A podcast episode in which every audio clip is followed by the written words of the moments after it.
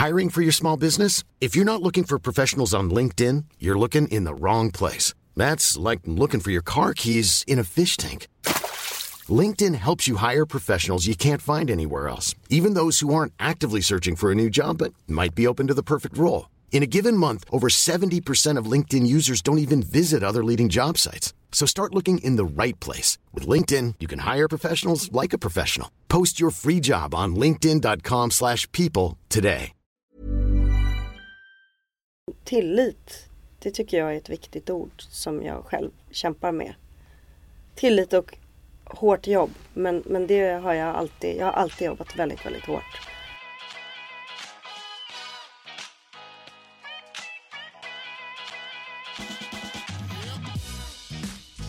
Välkommen till En timme med där jag, Sanja Tigeltia, träffar människor som inspirerar mig. Vi pratar om deras karriärresa, lärdomar, motgångar och helt enkelt självutveckling från ett businessperspektiv.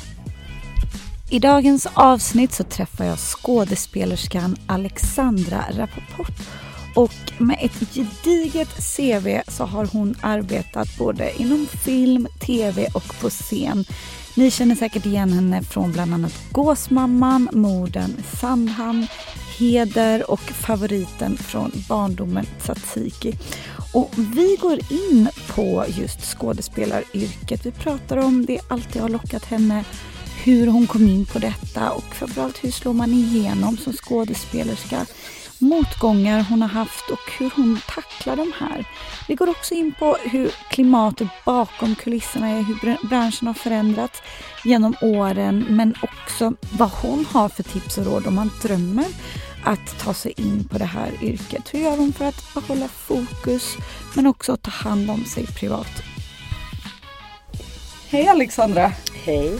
Välkommen hit! Tack! Jag har ju kört ett intro om dig. Men det är kul att höra lite med, med dina ord. Alexandra, som barn, drömde du om att bli skådespelerska redan då? Eller hur? Ja, eh, inte första tiden som barn. Nej, då, då, jag har alltid tyckt det är roligt att hålla på. Men då hade jag inga drömmar. Eh, men sen någonstans, min eh, mamma gick bort när jag eh, gick i fyran.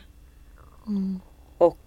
Jag tror att F, alltså det här är ju liksom en vuxen som har analyserat det här. Det här var ju ingenting som jag kopplade ihop då. Men, men där någonstans efter det, kanske i femman, så, så började någon slags längtan efter att eh, få hoppa in i alternativa världar. Liksom. Jag hade ett bra liv så. Det var inte det var jättehemskt och sorgligt men jag hade det stabilt omkring mig och väldigt kärleksfullt och liksom färgrikt. Men då började jag drömma om och liksom gestaltning. Att få gestaltning. Hur lätt det Men typ fly vardagen lite? Berika, mm. förhöja snarare. För jag hade en ganska nice vardag ändå. Det, det, det fanns jättemycket sorg och, och så men jag hade en rik barndom. Men snarare någon slags alternativ värld där man liksom bara fick vara. Det jag älskar med yrket är ju att få bara vara i andra verklighetsbubblor som är ja, men, an, prova andra eh, människor, andra relationer, andra livsöden men på ett safe sätt eftersom jag är ganska oäventyrlig som människa. Mm.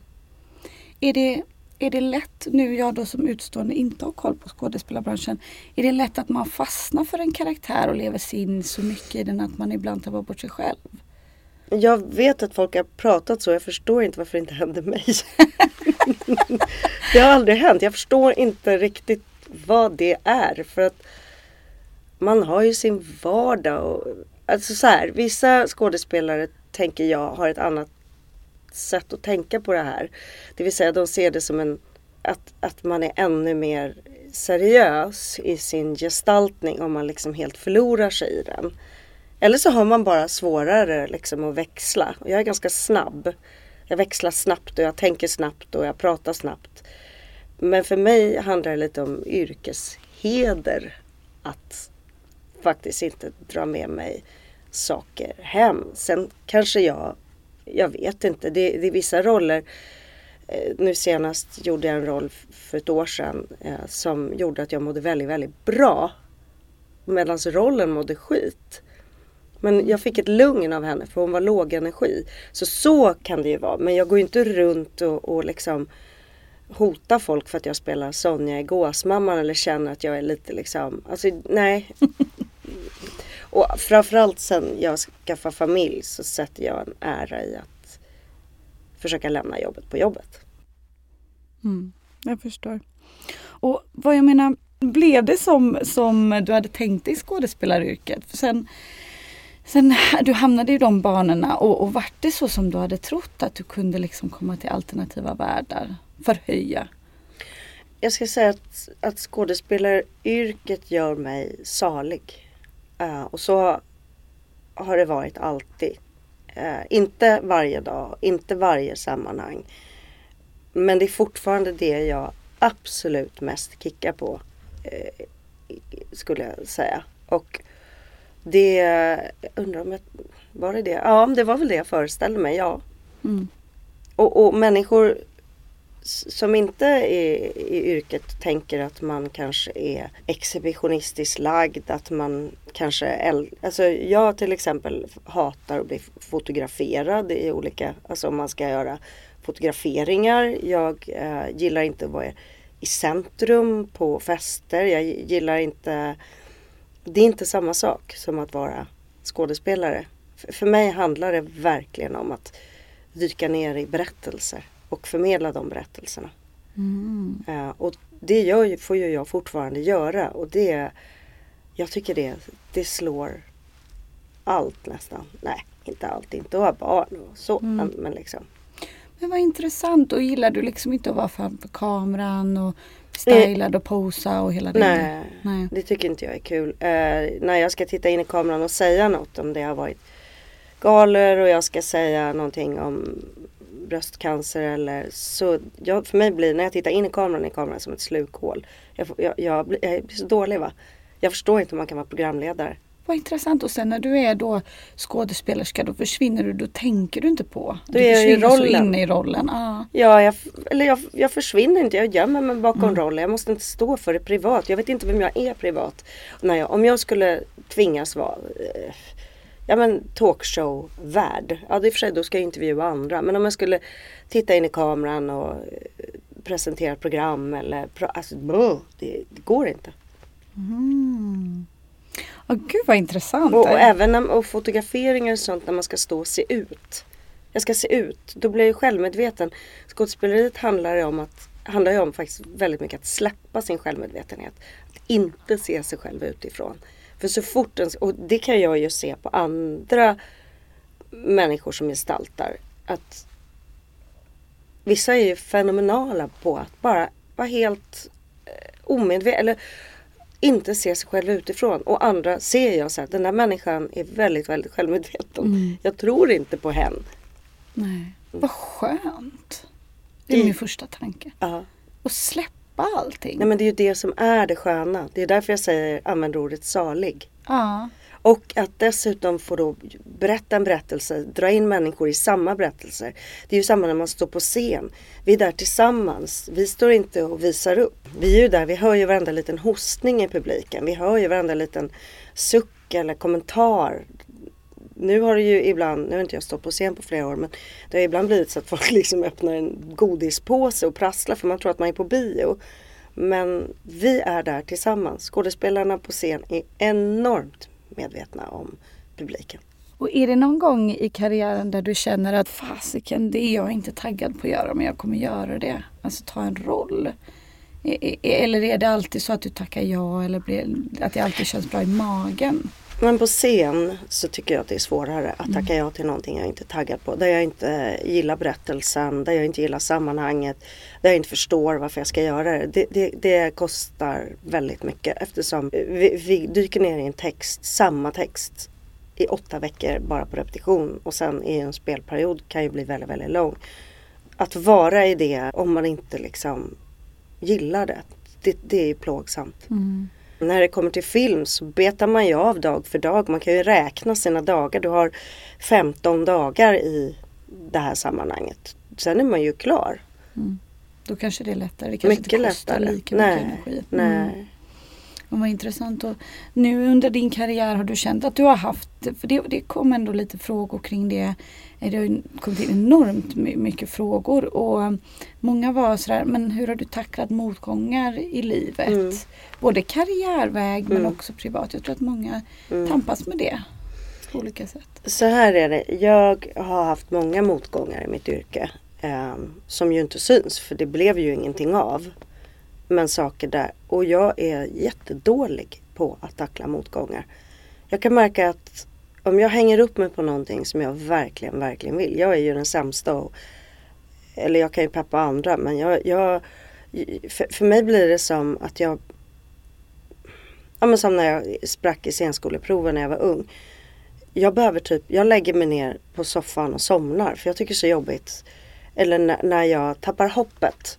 För ofta har man ju byggt upp ett hopp och en fantasi kring någonting man så fruktansvärt gärna vill. Och så blir det inte. Och det händer ju i- mitt yrke. Händer det ju jätte, jätteofta.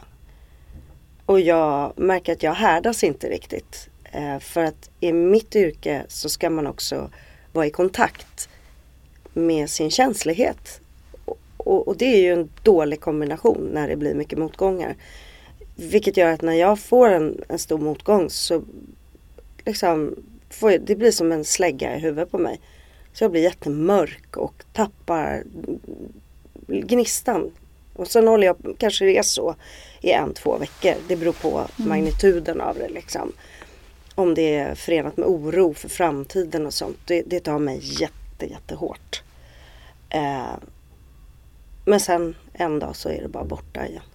Gör du något för att ta dig ur det Nej men jag är aktivt? jättedålig på att ta det ur. Nej jag inser att det är Det får bara liksom gå Ja, jag har, jag, just, jag har väldigt mycket brist på tillit. Eh, och det tror jag jag har på grund av mina erfarenheter i barndomen. Liksom. Det, när någonting händer som inte ska hända, inte får hända så tror jag att man lätt plä- präglad av att "Åh, allt kan ju gå åt helvete. Jag märker människor som inte har samma erfarenheter tidigt. Har ju en, min man till exempel, han har inte det. Och han är så här, men vadå det löser sig, det kommer något annat. Mm. För honom är det självklart och det är väldigt välgörande att vara med en sån människa som vad, men snälla. Alltså så. Så det mitt råd till alla andra är ju då det jag inte Skaffa. lyckas med själv. Skaffa en Jocke. Nej men liksom det är klart det kommer öppnas nya dörrar. Livet är ju inte bara en räcka motgångar men det är heller inte en räcka framgångar. Nej. Men jag verkar ju aldrig lära mig så jag, jag blir otroligt knäckt. Och det blir inte lättare med tiden? eller Ja, uppenbarligen inte. Men du är duktig på att ta hand om dig själv. Träna och hålla igång. Tror du att det hjälper? Mm. Ja, så här. Det ska jag också säga, korrigera. Jag lägger mig inte på i soffan och skiter i att gå upp och skiter Nej. i mina åtaganden. Utan det är mer en känsla. Jag, jag går till mitt gym som jag eh, är på. Liksom. Jag gör mina, jag, jag ligger inte och tycker synd om mig själv. Det är bara att jag går dit som en vålnad kan jag känna inuti. Liksom. Ja. Nej, jag, jag, det är viktigt. Det lärde min pappa mig. Man, man gör det man ska. Det, det bara gör man.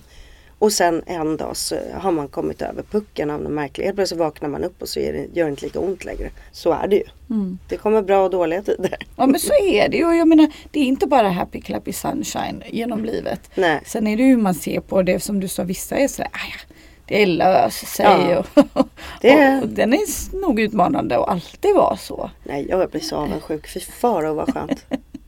Jag, jag har ju det här att jag drabbats, drabbas av den här jäkla tillitsbristen och tänker Ja. att nu är det slut. Nu är det hej då för alltid.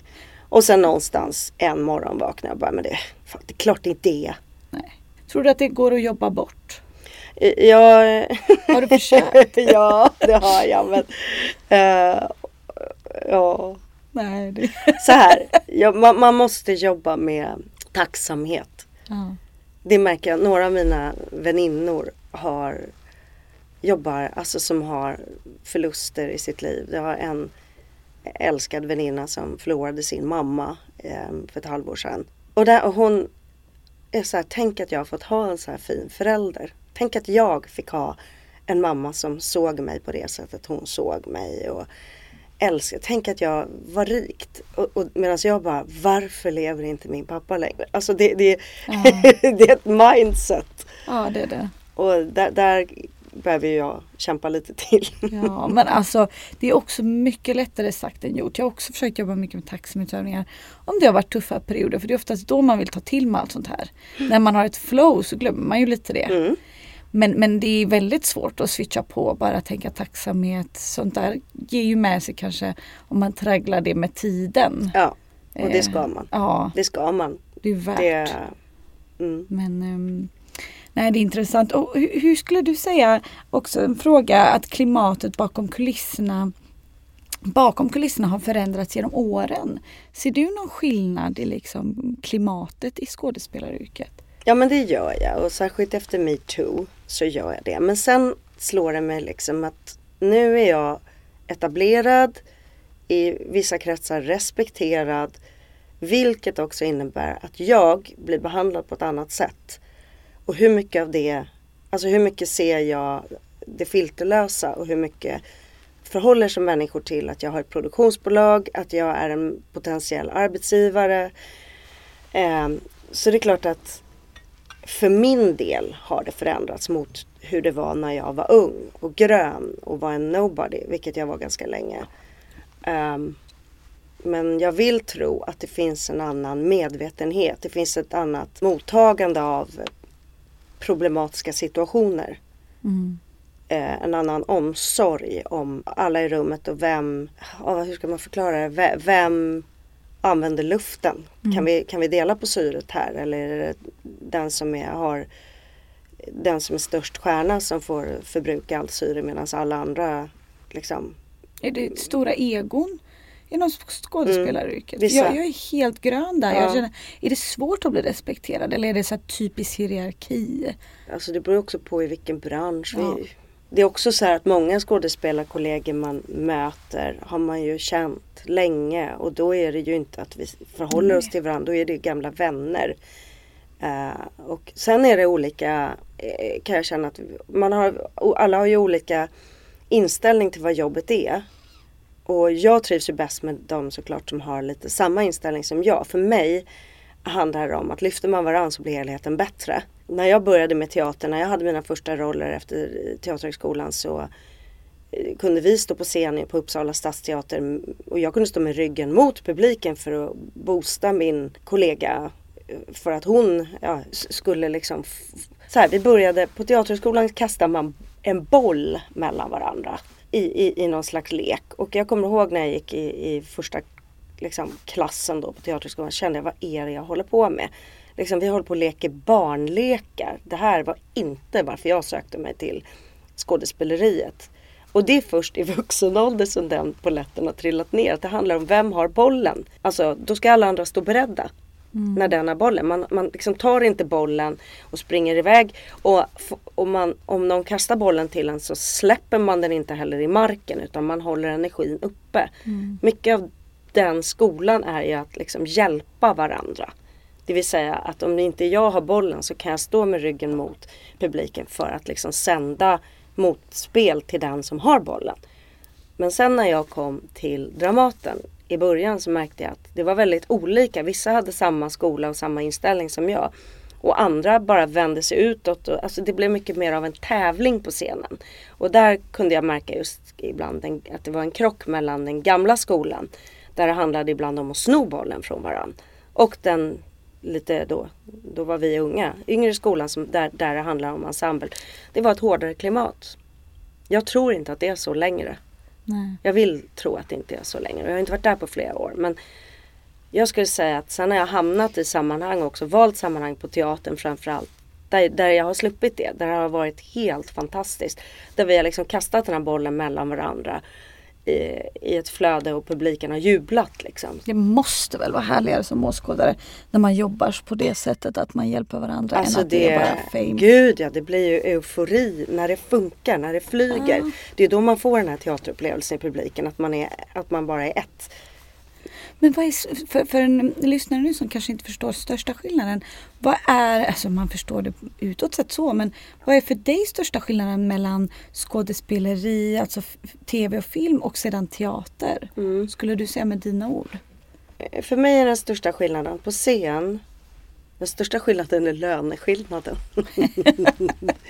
Herregud, det är så usla löner inom teatern. Det är ju det. Det är ju ja, liksom... Tråkigt. ja men det är så. Det är liksom Ja det är subventionerad konst. Det, det, det, får, det, kan man liksom bråka med till viss del men man, det är bara att inse fakta liksom. Och man är anställd och får en månadslön som inte är jättehög fast man har liksom eh, Ja men faktiskt, jag har ju faktiskt en filkand kan man säga. Fyraårig högskoleutbildning. Men eh, själva arbetet är på teatern så är man liksom ansvarig att bära rollen från början till slut. Man berättar ju en historia Alltså från början till slut så är du ju med ihop med dina kollegor när regi har lämnat. Och, och, och berättar det. Medan i film och tv så gör du punktinsatser och sen är det någon annan som lägger musik och som klipper ihop det. Och, Eh, väljer hur nära man ska ligga eller hur långt bort man ska ligga eller om vissa delar kanske inte ska vara med.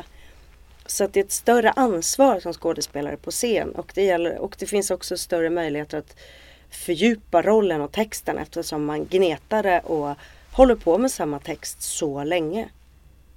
Mm. Um, så det är på ett sätt skådespelarmässigt så kan det ju ge väldigt mycket mer. Och man har direktkontakt med publiken. Man kan höra en susning och man liksom kan jobba fram det. Man börjar lära sig, där skrattar, där händer det, där händer och sen en kväll när man står där så händer något helt annat.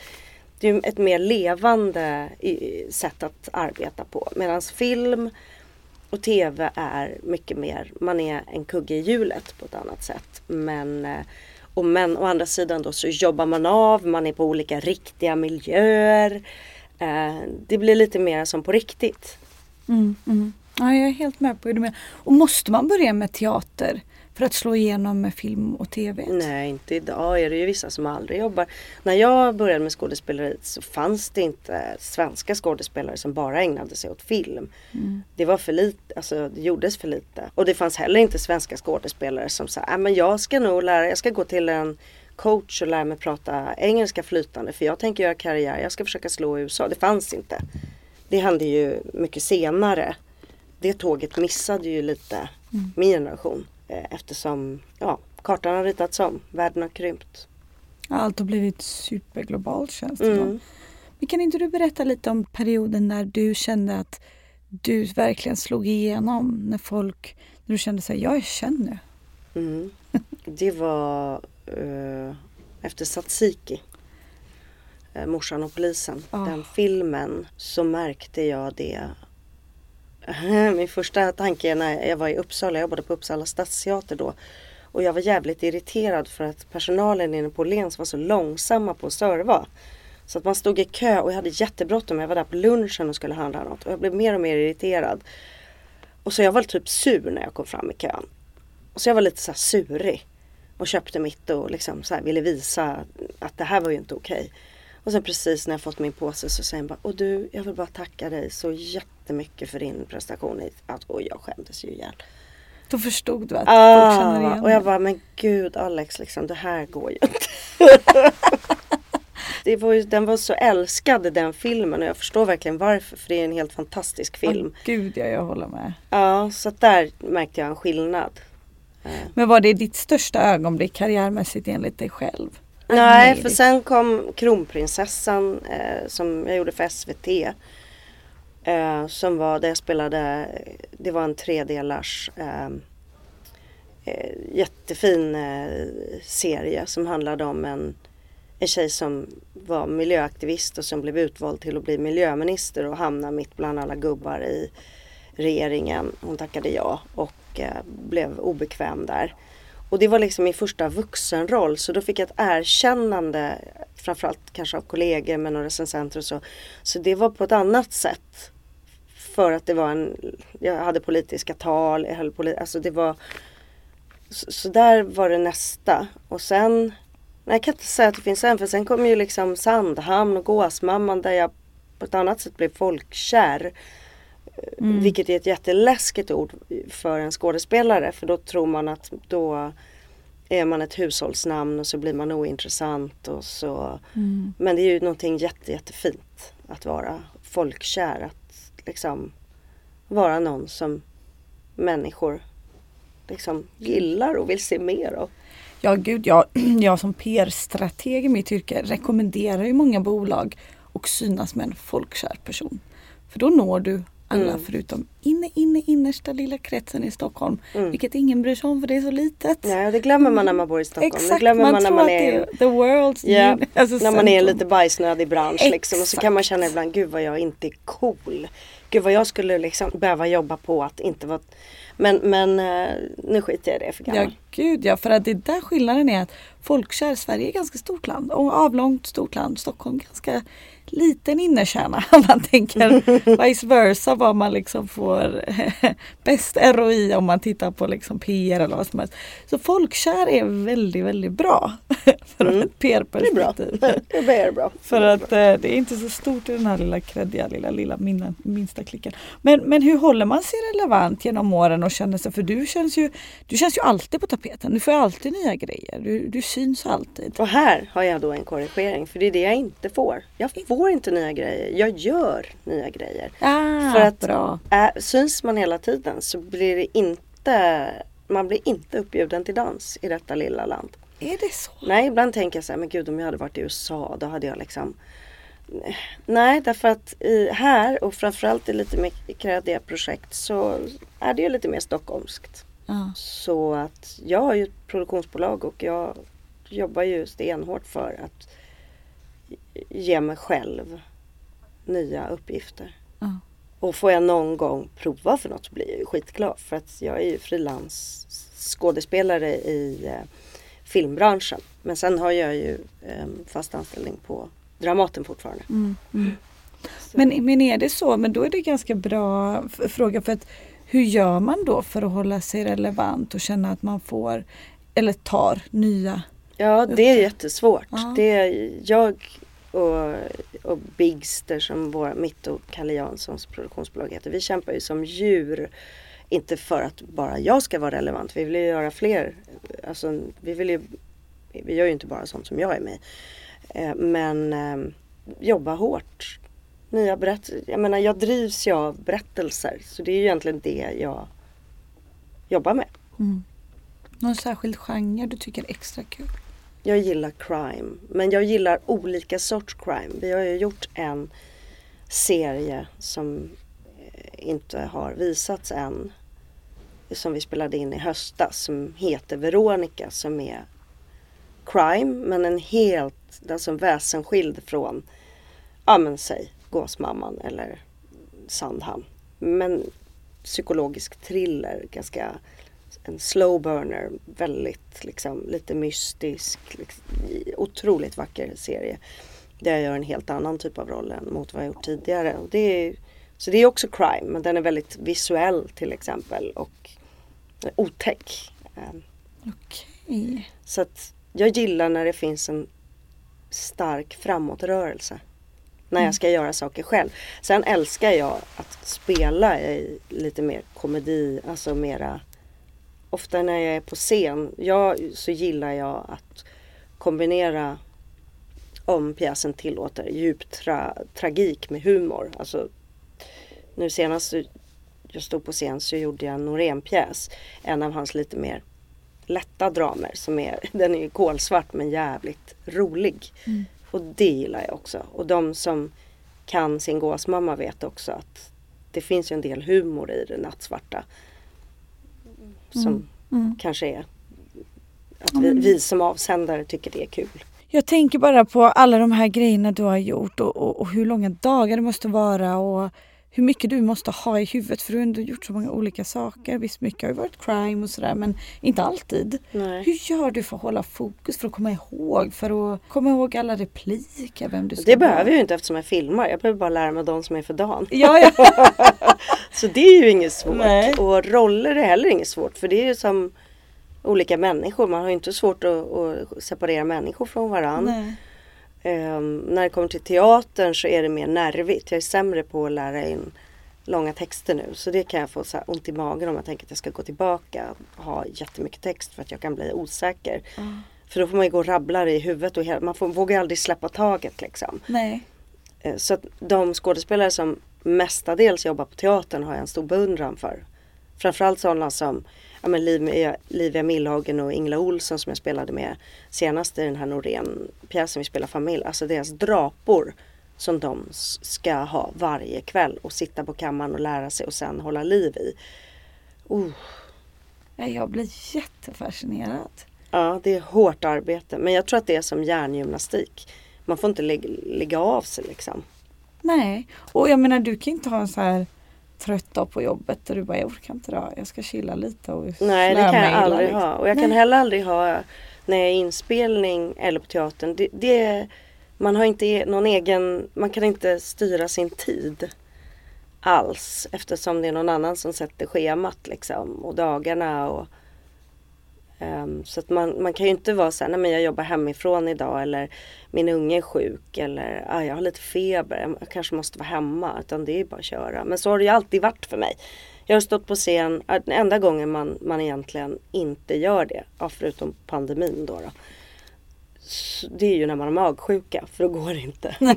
Den smittar så helvetiskt. Men respekt för det alltså. För det är ju de grejerna man glömmer. Man ser ju ofta det glammiga i yrket kanske. Ja.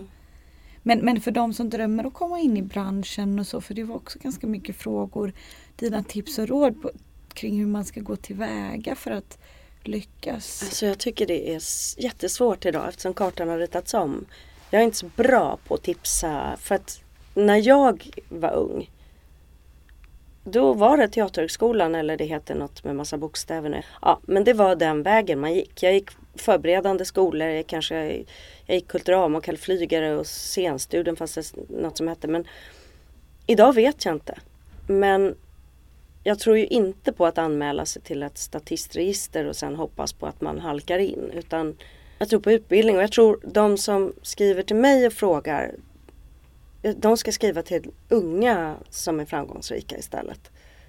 För jag tror att de har gått andra vägar. Mm. Men jag tror ganska många har fortfarande gått den här, ja nu är den inte fyra år längre, jag tror att den är tre år kanske, eh, högskoleutbildningen. Och, och en annan fråga som, som var ganska bra tycker jag, eh, som är en sån här klassiker men det är ändå alltid intressant. Om du skulle få ge ett råd till ditt yngre jag, vad skulle du säga då? Att det går bra, det kommer gå bra, ha tillit. Det jag fortfarande kämpar med. Ja men så här i backspegeln så kan ju ingen säga, alltså hur många motgångar jag än har liksom känt av så har det gått bra. Mm. Tillit, det tycker jag är ett viktigt ord som jag själv kämpar med. Tillit och hårt jobb, men, men det har jag alltid, jag har alltid jobbat väldigt, väldigt hårt. Och målmedvetet och eh, jag tänker ibland på många unga som, alltså vill, när jag menar att kartan har ritats om så menar jag också att idag finns det, tror jag att många unga tror att det finns så bra genvägar. Det är lite som vi lever i, jag brukar kalla det för idol, alltså idoleran. Det vill säga man kanske, man, man provar och man kanske inte, ibland får jag känslan med alla som söker till Idol och som faktiskt inte kan. Att man bara, någon annan kanske bara upptäcker att jag är bra fast jag knappt tror det själv. Mm. Jag tror man måste känna inåt, kan jag det här? Har jag tillgång till det här? Eh, är det något, alltså prova, prova och känna, nej men jag har en läggning. Då kan man satsa. Men jag tror lite, ibland lite självrannsakan. Mm. Eller vad behöver jag jobba på? Och då pratar jag inte, jag, vad, be, vad behöver jag bli bättre på? Ja, jätteintressant. Jag upplever också att det är en generation av shortcuts. Eh, man vill väldigt gärna lyckas snabbt. Man ska helst ha lyckats innan typ 25. Sen en väldigt stor miltopp innan 30. Alltså det, Ja. det har pressats ner väldigt mycket Ja. åldrar på, kring hur man ska hunnit Ja. göra. Om man är så ung när man är 30. Det tyckte inte jag att jag var. Jag hade Nej. panik. Jag hade panik över karriär, över barn, över kärlek. Jag hade inte träffat min man när jag var 30. Eh, Jag skulle gå igenom flera jobbiga relationer innan. Man är så ung. Mm. Men det kan jag säga idag. Gud vad jag behöver höra det. Jag är 32 Ja. och bara känner att jag är riksgammal. Ja, och det är det inte. Nej. Det är det är också- verkligen inte. Det är så ungt. Ja. Ja, du har rätt. Det är också sorgligt sen att tänka så för varje gång, varje tionde år. Mm. Att så, varför tänkte jag inte så då? Och sen när man är 50 tänker man så när man är 40, när man är 60 Mm. tänker man så när man är 50. Ja, varför njöt jag Ja. inte av... Alltså, man är 35 och har så mycket roligt kvar framför sig. Det är Ja. inte, allt inte, alltså att vara mellan 20 och 30 är inte, för de flesta är inte det jättekul. Nej.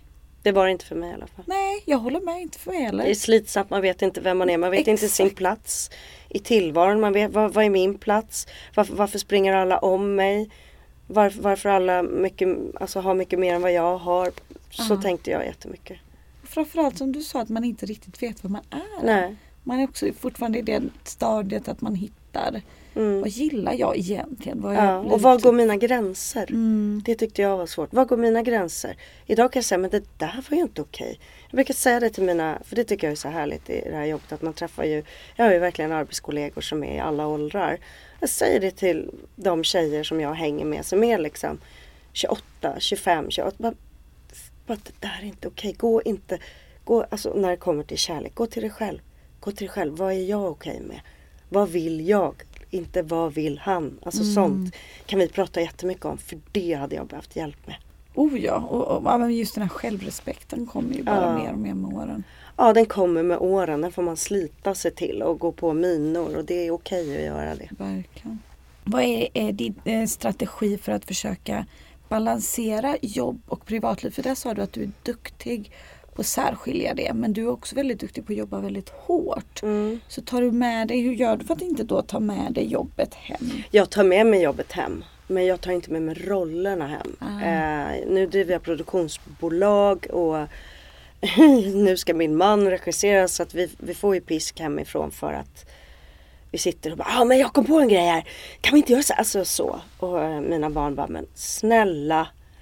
Eh, men jag försöker liksom Ja det är svårt för det går inte alltid och ibland måste jag sitta på kvällarna och bara plöja, plöja, plöja. Ibland styr jag inte över det själv men jag försöker ju att inte boka upp mig för mycket på annat.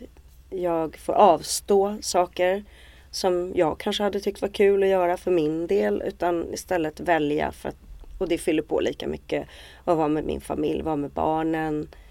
Um, träna i- försöker jag att så mycket som möjligt eh, trycka in i mitt schema. Det har min pappa lärt mig. Man tar hand om sin kropp och sin hälsa. Det är ditt viktigaste kapital, sa han alltid. Mm. Eh, lyssna på vad jag behöver. Men annars så är det, jag jobbar och så hänger jag med min familj och så pratar jag väldigt mycket telefon med mina vänner Mhm. istället. Jag kanske inte går på middagar jätteofta för att jag inte får plats med det utan är jag ledig en kväll så ska jag, vill jag laga mat till mina barn, punkt. Jag köper det. Och, och um, vad, vad tror du att den här drivkraften som du har kommer ifrån? Vad är det som driver dig? Ja, dels glädjen. Glädjen och lusten. För att när jag gör saker så det är ju jättehärligt och roligt. Men också en del ångest att halka ur, att inte få vara med. Att det är sista gången jag gör det här för att det är få förunnat att hålla på med det jag gör. Det är jag fullt medveten om. Eh, så det är väl en, en, någon slags... Och sen har jag... Eh, jag har väldigt mycket energi. Jag behöver sova mycket men jag är en ganska energisk människa. Mm.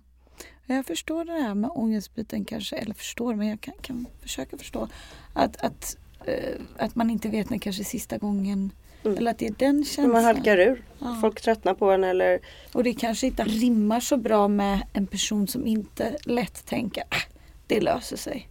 Hade du varit Nej. en sån så, Nej, okej, då kanske jag inte hade haft samma driv. Nej, exakt. Men jag tänker också att så här, det, den, den här känslan man halkar ur om man då någon gång får ett nej eller så här, då kan Mm. jag förstå att det inte är ashärligt om man inte är så äh, skitsamma. Då Nej. blir det extra Nej. påtagligt också. Ofta märker jag eh, när jag har kommit över mitt nej att jag kan få ännu mer kraft till, alltså nu jävlar. Mm. Ehm, och det finns jättemycket kvar jag känner att jag vill göra eller berätta om och ehm, så i, i mitt yrke. Jag har drömmar kvar. Mm. Jag har stora drömmar liksom om vad jag eh, vill göra och vad jag önskar och drömmer om. Och det, jag har drömmar om vad jag drömmer om. Den var bra. Jag gillar den. Vem hade du velat lyssna på i podden? Vem inspirerar dig? Alltså det låter ju jättekonstigt men det är alltid mina väninnor som inspirerar mig. Vad Alltså, kul. våra samtal är mitt viktigaste liksom. Eh, utanför min familj och så. Det är de samtalen som liksom stärker mig. Så jag säger Julia Duvenius och Anja- Lundqvist Mm. till exempel. Är ni duktiga på att lyfta varandra och peppa? Ja, kan ni det är prata vi. om svåra saker? eh, ja gud ja. Mm. Det pendlar väldigt mellan högt och lågt. Mm.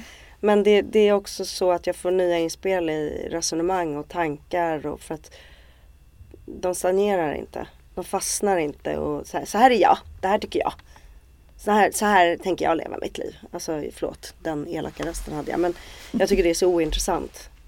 Utan det är alltid, ja det här behöver jag, det här behöver jag jobba med, det här behöver jag belysa från olika håll, det här behöver jag grubbla på. Och sen jätteytliga saker som vi har jättekul åt också.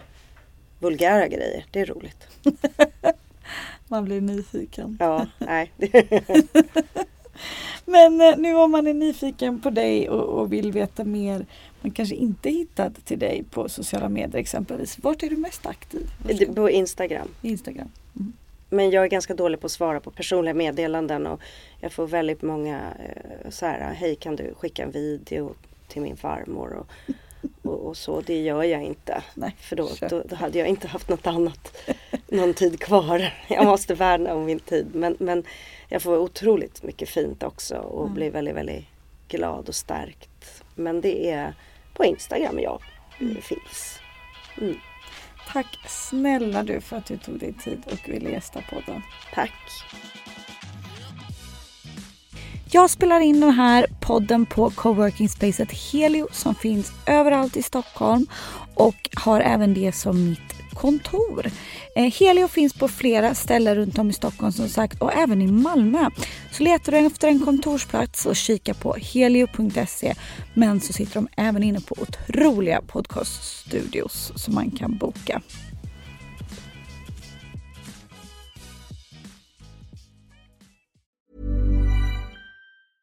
Planning for your next trip? Elevate your travel style with Quince. Quince has all the jet setting essentials you'll want for your next getaway, like European linen, premium luggage options, buttery soft Italian leather bags, and so much more. And is all priced at 50 to 80% less than similar brands. Plus, Quince only works with factories that use safe and ethical manufacturing practices. Pack your bags with high-quality essentials you'll be wearing for vacations to come with Quince. Go to quince.com slash pack for free shipping and 365-day returns. Imagine the softest sheets you've ever felt. Now imagine them getting even softer over time. That's what you'll feel with Bowl and Branch's organic cotton sheets. In a recent customer survey, 96% replied that Bowl and Branch sheets get softer with every wash. Start getting your best night's sleep in these sheets that get softer and softer for years to come. Try their sheets with a 30-night guarantee. Plus, get 15% off your first order at bowlandbranch.com. Code BUTTERY. Exclusions apply. See site for details.